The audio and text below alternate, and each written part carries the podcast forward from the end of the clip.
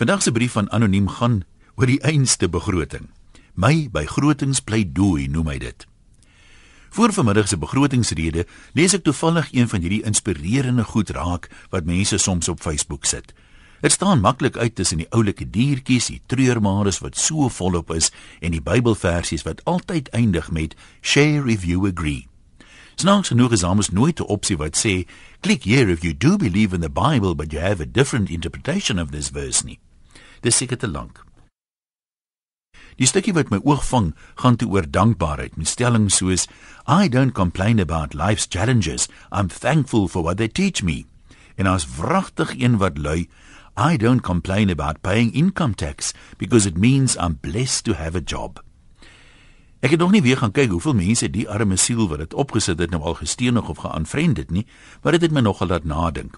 Ons kla mos gedurig oor alles en dikwels is daar natuurlik redes. Min mense sal ontken dat ons beter waarde vir ons belastinggeld behoort te kry. Maar is dit nie 'n afsonderlike kwessie as die belastingkoers nie? As jy 'n kar koop, is die verkoopsprys meestal betaal in maandelikse paemente, mos iets anders as die gehalte van naverkoopsdiens. As die rentekoers opgaan, dan betaal jy meer, maar jy kry nie meer motor of beter diens nie. Ek het nou nie die belastingtabelle van die afgelope dekades hier voor my nie, maar ek onthou nog hoe vies my vrou destyds was omdat sy soveel meer belasting as ek moes betaal. Sy het selfs opgehou om NP te stem en glo dit het hulle tot 'n val gebring. Annie het op wits geswat, so sy was maar altyd 'n bietjie left wing. Daarom het sy altyd gekla omdat haar belastinggeld gebruik is om die grensoorlog te befonds of slegs blankes bordjies te maak. Haar petheid was egter die strandkonstabels wat betaal is om te check wie swem waar. Die afgelope 20 jaar onthou ek darm gereelde belastingverligting in omtrent elke begrotingsrede. Die drempel wanneer jy belasting begin betaal is gereeld verhoog en ook die bedrag wanneer jy die maksimum koers begin betaal. Ryk en arme het dus deur die jare verligting gekry.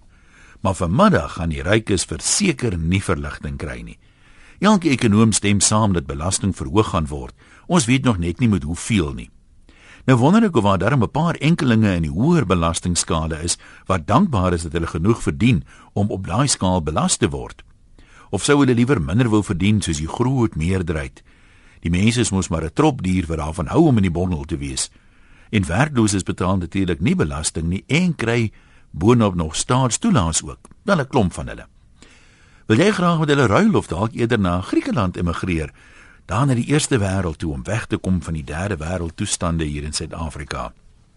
Ek dink alwaaroor ek eintlik bid is dat al die kermderms tog so 'n mooi RSG woord, né? Die insig sal ontvang om te besef dat hulle nie beter sal voel as hulle by enige gewillige of onwillige oor kerm en kla oor die hoër belasting nie. Hoe moeilik is dit dan tog om te leer jy poep teen donder weer? In plaas van te kla, praat liewer oor iets anders selfs Sondag voor jy die kerk binne stap. Ek meen hopelik gaan die preek oor geloof, hoop en liefde, want daaraan is daar 'n baie groter behoefte as aan laer belasting of selfs aan beter dienste. Groete van beursie tot beursie, anoniem.